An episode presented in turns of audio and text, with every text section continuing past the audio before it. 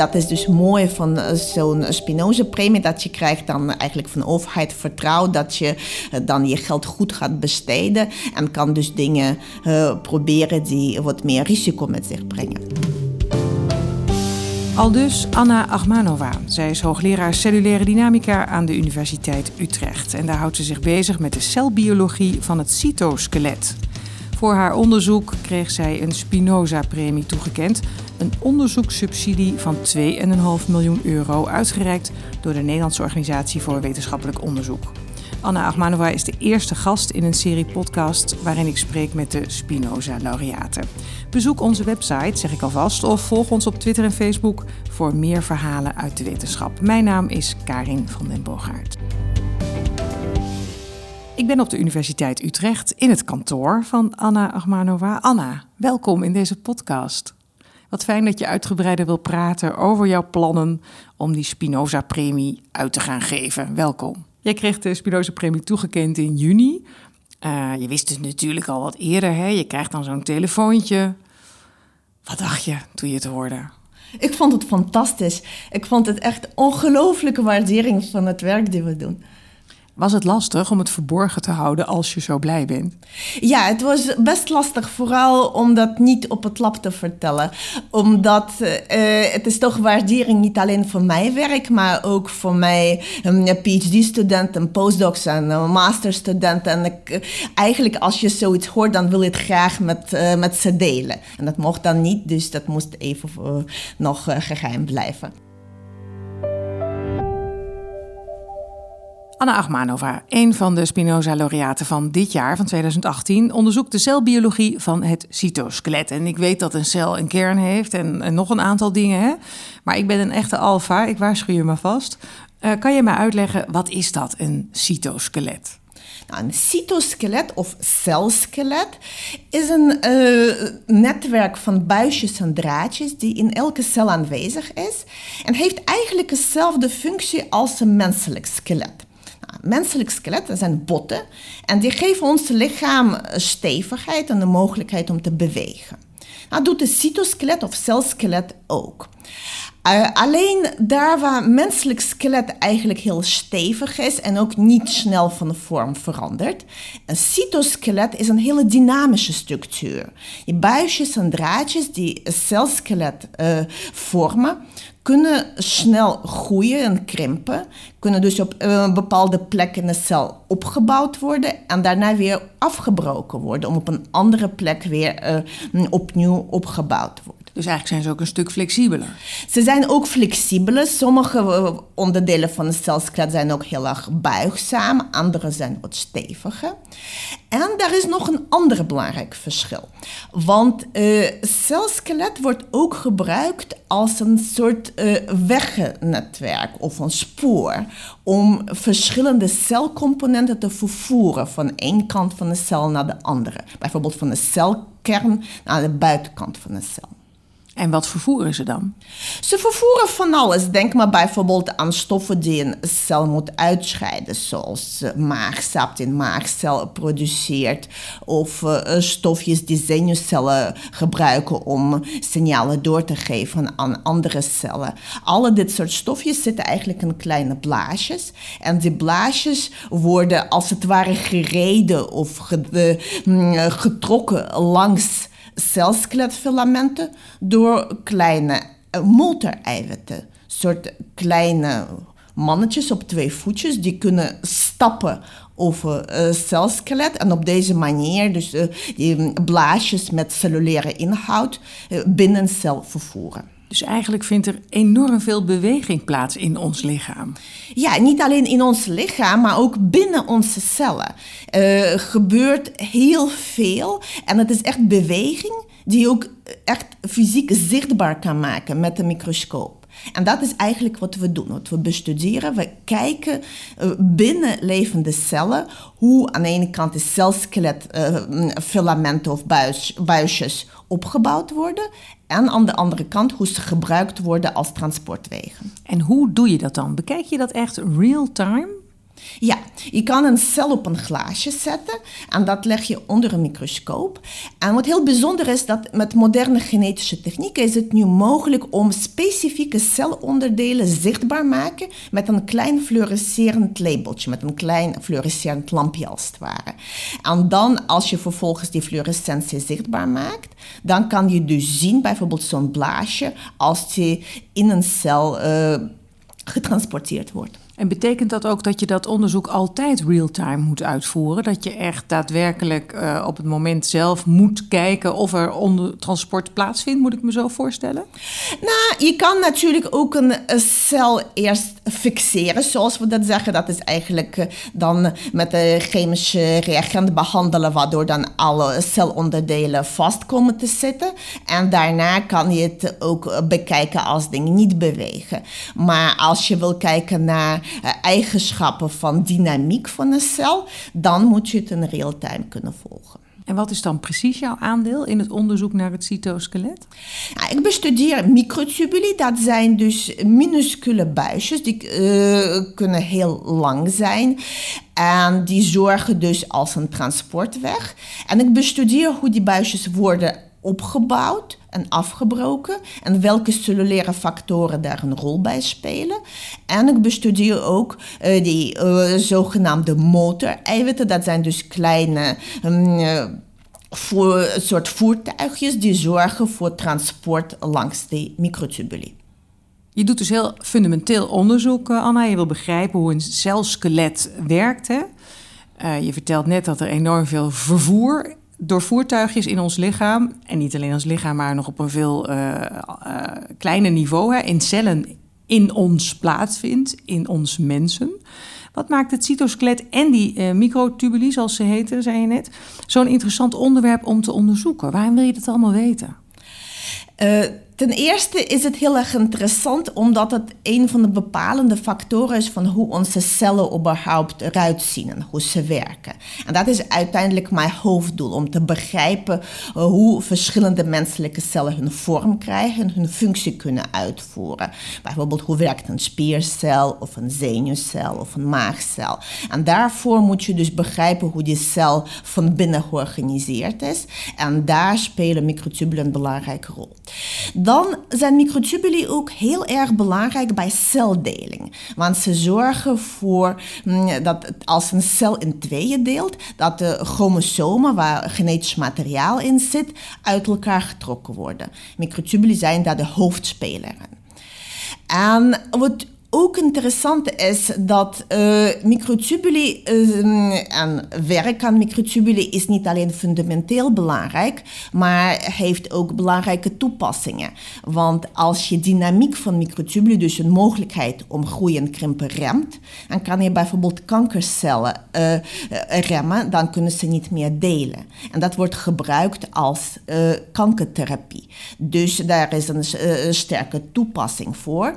En dit soort soort chemotherapie van kanker die op microtubulen gericht is, is op dit moment heel erg toxisch, omdat eigenlijk alle delende cellen krijgen daar last van. Maar eh, wat je zou willen is uh, meer specifieke um, medicijnen die alleen op kankercellen actief zijn en niet op normale delende Zo cellen. Zo zou je nog gerichter kunnen. Zodat je nog gerichte tumoren zou kunnen aanpakken. En dat is dus een interessant uh, aspect waar juist fundamenteel onderzoek bijdrage kan leveren uiteindelijk aan betere behandelingen. Microtubulen zijn ook, zoals ik al zei, een uh, spoor of een weg voor transport. En transport is alleen heel belangrijk als de afstanden groot zijn. En dat speelt een rol bijvoorbeeld in zenuwcellen. Sommige menselijke zenuwcellen kunnen centimeters lang zijn of zelfs bijna een meter lang.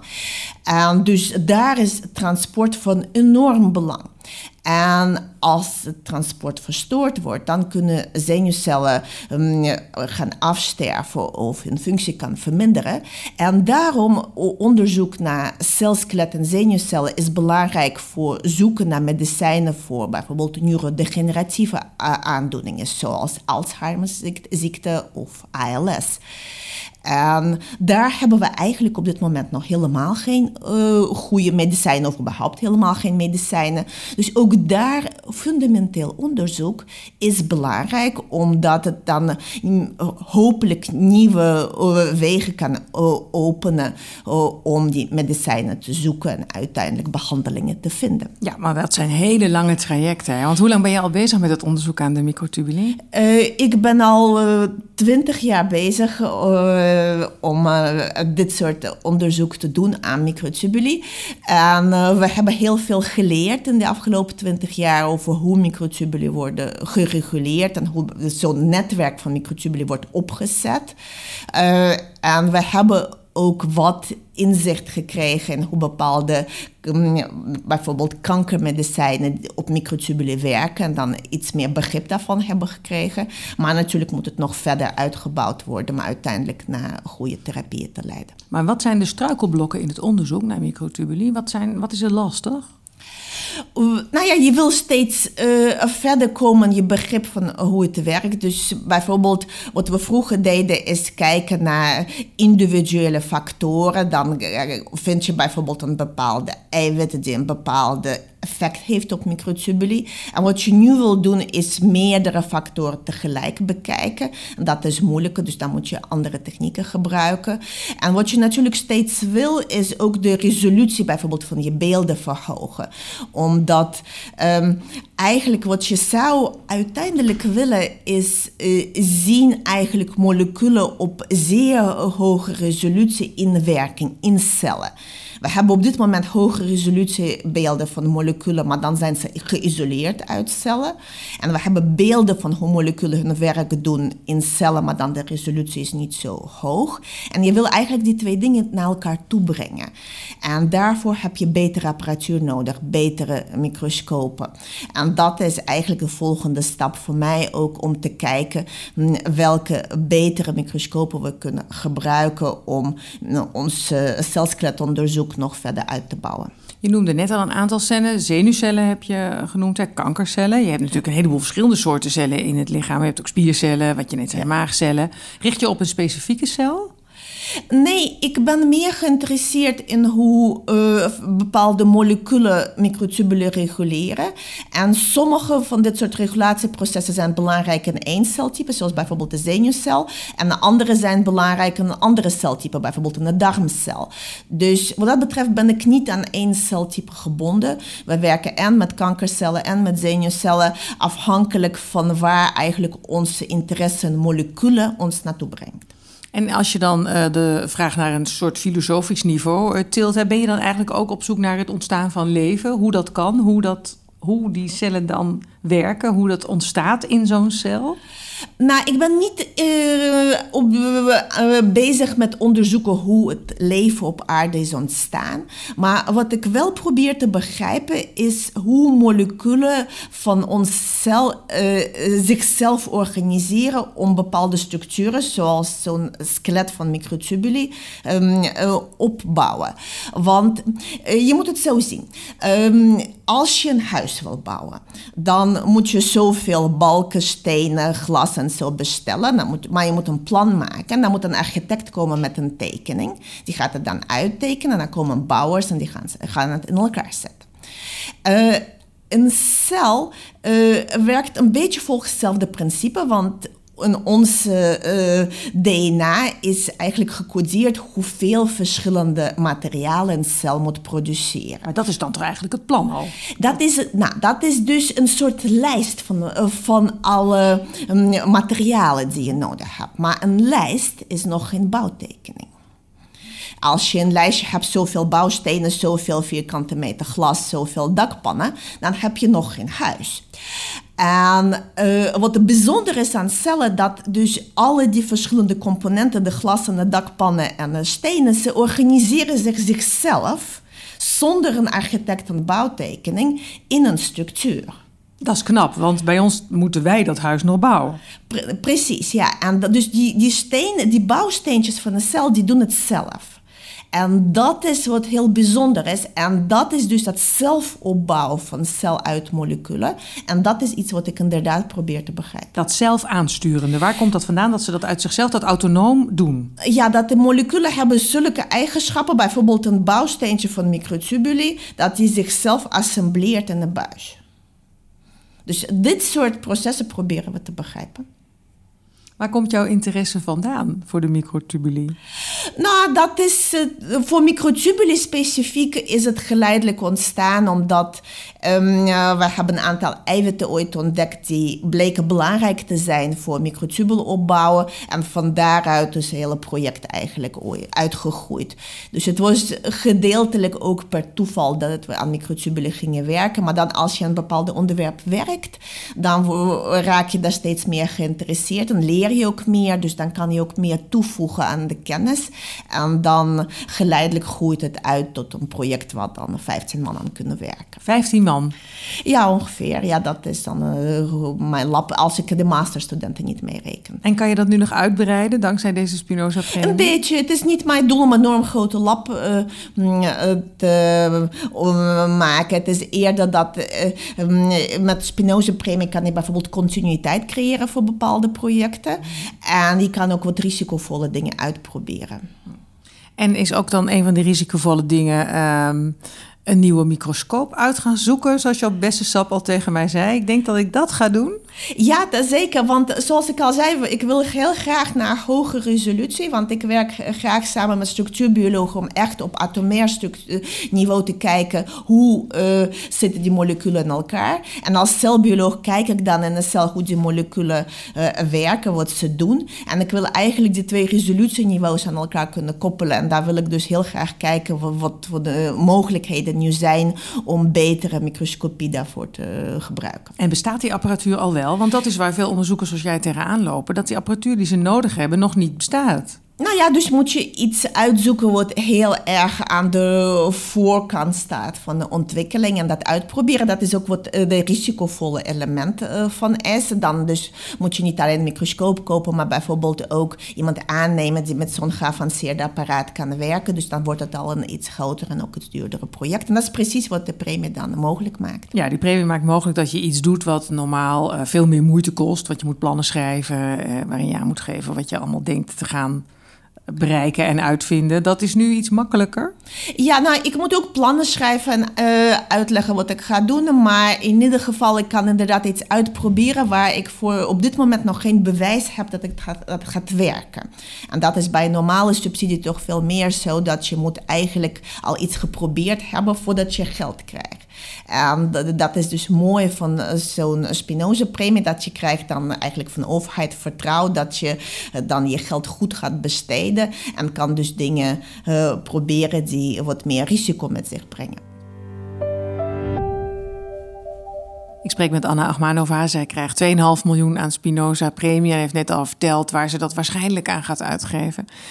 Uh, het leuke was op Beste Sap, waar ik erbij was, hè, waar bekendgemaakt werd wie de Spinoza's van dit jaar gingen krijgen, dat het uh, drie mensen waren die eigenlijk heel goed bij elkaar passen met hun onderzoek. Uh, John van der Oost Wageningen, Marjolein Dochterom uh, Bionanosscience in Delft en jij. En Karsten de Dreu was nummer vier, die viel er dan een beetje buiten.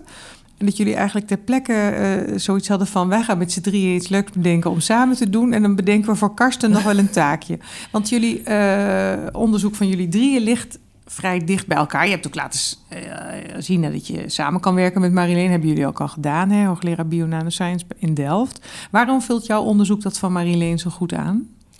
Omdat we eigenlijk in dezelfde processen geïnteresseerd zijn. Uh, Marleen Dochterom, net als ik, is uh, geïnteresseerd in celskelet en ook zelfopbouw van celskelet. Alleen zij is een natuurkundige.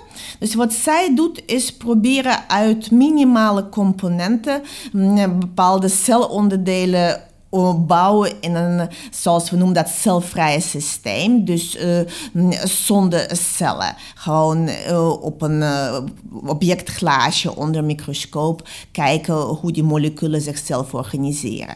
En daar, daarbij kijkt ze heel veel naar natuurkundige principes van hoe die moleculen samenwerken. En natuurlijk, als je dit soort onderzoek doet, dan wil je het heel erg eh, graag vergelijken met wat in cellen gebeurt. En dat is waar mijn onderzoek dan goed uh, op aansluit. Want jij doet dat in levende cellen? Omdat ik doe dat in levende cellen. En we kunnen de levende cellen bijvoorbeeld ook genetisch aanpassen. Waardoor we dan ook heel specifiek kunnen kijken naar bepaalde onderdelen, laten we zeggen, van celskelet. Um, maar dan uit het biologische oogpunt. En die twee verschillende manieren om naar cel de mm, biologische processen te kijken, is heel productief. Daarom hebben we, Marjolein Dokterom en ik, ook samen een Europese subsidie, juist om die twee aanpakken aan elkaar te koppelen. Gaan jullie dan nog samen die Spinoza-premie uitgeven? Want dat is natuurlijk een leuk bedrag, 5 miljoen. We gaan zeker deel van uh, beide premies gebruiken om ons uh, uh, huidig gezamenlijk onderzoek voor te zetten. want op dit moment hebben we nog de Europese grant, maar die gaat over over ongeveer twee jaar eh, stoppen. En dat natuurlijk die Spinoza-premies creëren een hele mooie mogelijkheid om continuïteit te creëren. Dat betekent dat we nu ook nog nieuwe dingen kunnen opstarten samen. Dat is heel mooi. Ja, Marilyn kijkt dus vanuit de natuurkundige hoek. Jij kijkt weer vanuit de andere kant uh, in de levende cellen. Is het voorstelbaar dat je vanuit nog een andere invalshoek naar die cellen zou kunnen kijken? Gebeurt dat ook? Nou ja, je, je kan natuurlijk eh, meer uit de medisch toegepaste hoek kijken. En ik heb ook uh, mensen met wie ik samenwerk hier in het ziekenhuis. Scheikunde komt natuurlijk heel erg aan pas. We gebruiken ook heel veel scheikundige technieken. En wat ik al zei, ook genetica, dus mogelijkheden om genetisch materiaal van cellen aan te passen. Dat is eigenlijk wat uh, Jonathan Oost ook doet. En uh, dat is iets wat heel erg belangrijk is voor, de, mm, voor het werk die we doen. En is het uiteindelijk, fundamenteel onderzoek is natuurlijk heeft waarde op zich, omdat je wil weten hoe iets werkt. Je hebt al een aantal doelen genoemd om uh, ziektes te bestrijden. ALS heb je genoemd en kanker. Is dat, zijn dat de vergezichten ook waar jij je op richt? Of zeg je, ik doe dat fundamenteel onderzoek gewoon omdat ik het wil weten... en dat de geneeskunde daarvan profiteert? Nou, dat is natuurlijk hartstikke mooi. Hoe zit jij daarin? Ik vind beide kanten belangrijk. Ik vind uh, de fundamenteel onderzoek heel erg mooi en dat motiveert mij heel sterk omdat ik gewoon graag wil weten hoe dingen in elkaar zitten. Ik wil begrijpen hoe onze cellen werken. Maar ik vind het ook heel fijn dat uh, wat wij vinden uiteindelijk toegepast kan worden voor medische doeleinden. Dus ik vind beide kanten mm, heel erg goed. Wat ik ook leuk vind aan het werk die ik doe, is dat ik mm, het onderzoek kan ook gebruiken om uh, studenten, biologiestudenten of scheikundestudenten te leren hoe je onderzoek doet. En dat is nog een andere kant. Want uh, door onderzoek te doen, dan word je eigenlijk slimmer als het ware, omdat je dan heel diep moet nadenken over hoe werkt iets. En dat is een geweldige manier om jonge mensen te trainen. Want jonge mensen zijn altijd heel erg nieuwsgierig. Dus een geweldige kant van ons werk is dat we heel veel te maken krijgen met studenten en kunnen ook ons onderzoek op het lab gebruiken om uh, ze te leren hoe je dingen onderzoekt. Die ze later kunnen gebruiken hun carrière in academie, maar ook buiten academie. Hoe kan het, als ik jou zo beluister, dan denk ik, hoe kan het dat we, zo lijkt het, uh, nog zoveel niet weten over cellen? Omdat ik denk dat kennis nooit ophoudt. Het is niet zo dat je, als je diep genoeg graaft, dat je een bodem raakt. Het is wat dat betreft, je komt altijd steeds dieper. Dus bepaalde vragen worden beantwoord, maar je krijgt steeds nieuwe vragen voor terug. Wat is nu een nieuwe vraag die er zou kunnen opstaan, die je nu nog niet kent? Ik denk dat, uh, wat ik al zei, dat koppelen van verschillende niveaus van uh, begrijpen van biologische materie, dat is waar de nieuwe spannende vragen nu ontstaan. Bijvoorbeeld recent is elektronenmicroscopie als techniek enorm verbeterd, waardoor we nu structuren van veel grotere complexen uh, van de biologische moleculen kunnen echt zichtbaar maken. En de uitdagingen liggen nu op het niveau van functioneren van dit soort uh, biomoleculen zien, maar dan in cellen. In de levende cellen. En dat is waar de uh, ontdekkingen, denk ik, gaan komen. En is dat ook een pleidooi voor multidisciplinariteit? Dat je nog meer nauwer gaat samenwerken, zoals jij nu met Marileen Dochterom, met andere disciplines? Ja, absoluut. Want je hebt dus heel veel technologische ontwikkelingen nodig om dit soort dingen te kunnen doen. En dat betekent dus dat de biologie veel meer een samenwerking wordt met natuurkunde, met scheikunde. En natuurlijk voor toepassing ook met geneeskunde. Daarom praten we nu vaak ook niet meer over biologie, maar over life sciences. Life sciences, dat moeten we in de gaten houden. Hè? Ja, levenswetenschappen. Precies, daar gaat het ook heen. Hè? Het wordt niet meer die hokjes, maar het wordt ja, dus dat je, als je le leven, levende materie wil onderzoeken, dan wil je dus alle deze natuurwetenschappelijke technieken van natuurkunde, wiskunde, scheikunde en biologie aan elkaar kunnen koppelen. En dat is ook wat van de studenten die we nu opleiden verwacht wordt. Precies, dan studeer je niet meer biologie of scheikunde, alleen dan studeer je life sciences. Ja. Wat is er allemaal op je afgekomen na die bekendmaking voor de Spinoza-premie? Nou ja, je, krijgt dus uh, meer mogelijkheden om over je werk te vertellen, zoals nu. En uh, dat, dat, vind ik geweldig, omdat je op deze manier toch uh, mensen kan uh, breder vertellen wat je doet. Dus interviews, maar heb je, ook, heb je ook rare verzoeken gekregen dat je dacht, oh, daar had ik nog helemaal niet over nagedacht? Nou, niet zoveel. inderdaad, interviews en sommige die iets breder gaan dan alleen over je eigen onderzoek, maar bijvoorbeeld een interview met de Volkskrant over zin van het leven. Kijk, die komt er nog aan. En, um, nou ja, goed, uh, luisteraars kunnen dat weten als je je naam horen, Anna Achmanova. Um, jij bent, oorspronkelijk kom jij niet uit Nederland, maar jouw moederland is uh, Rusland. Rusland, ja. Heb jij, heeft het daar ook aandacht gekregen, deze Spinoza-premie, weet je dat? Nee, niet erg, denk ik niet. Je bent al heel lang in Nederland. Ik ben heel lang in Nederland. Ik ben eigenlijk een Nederlandse wetenschapper. Ik ben hier al begin de jaren negentig naartoe gekomen. Ik heb nog wat collega's in Rusland, maar omdat ik zo lang weg uh, ben, zijn de banden niet zo sterk. Nou, wij zijn hier gewoon heel trots op je. En de universiteit ook, denk ik. Uh, ik dank je voor dit gesprek en ik wens je ontzettend veel succes met je onderzoek en de besteding van die premie. Ik hoop dat je er enorm veel plezier aan beleeft om het geld uit te gaan geven. Alhoewel je het niet voor jezelf mag besteden, maar het is natuurlijk voor je werken. Maar dat is nog leuker. Anna Achmanoa, bedankt voor dit uh, gesprek. Uh, wil je meer gesprekken met wetenschappers luisteren, uh, zeg ik tegen de luisteraars: abonneer dan op onze podcast. En de komende week spreek ik meer Spinoza-laureaten. Dus volg de podcast om ze vooral niet te missen. We zijn te vinden in onder meer iTunes, Stitcher en Soundcloud. En daarnaast zijn we heel benieuwd wat je van de podcast vindt. Dat kan je ook gewoon laten weten via iTunes. En dan help je ons meteen om hoger in de iTunes ranking te komen. En wil je reageren op wat je in de podcast hebt gehoord? Dat kan ook nog via onze kanalen op Facebook en Twitter. En dan zeg ik zoals altijd: dank voor het luisteren.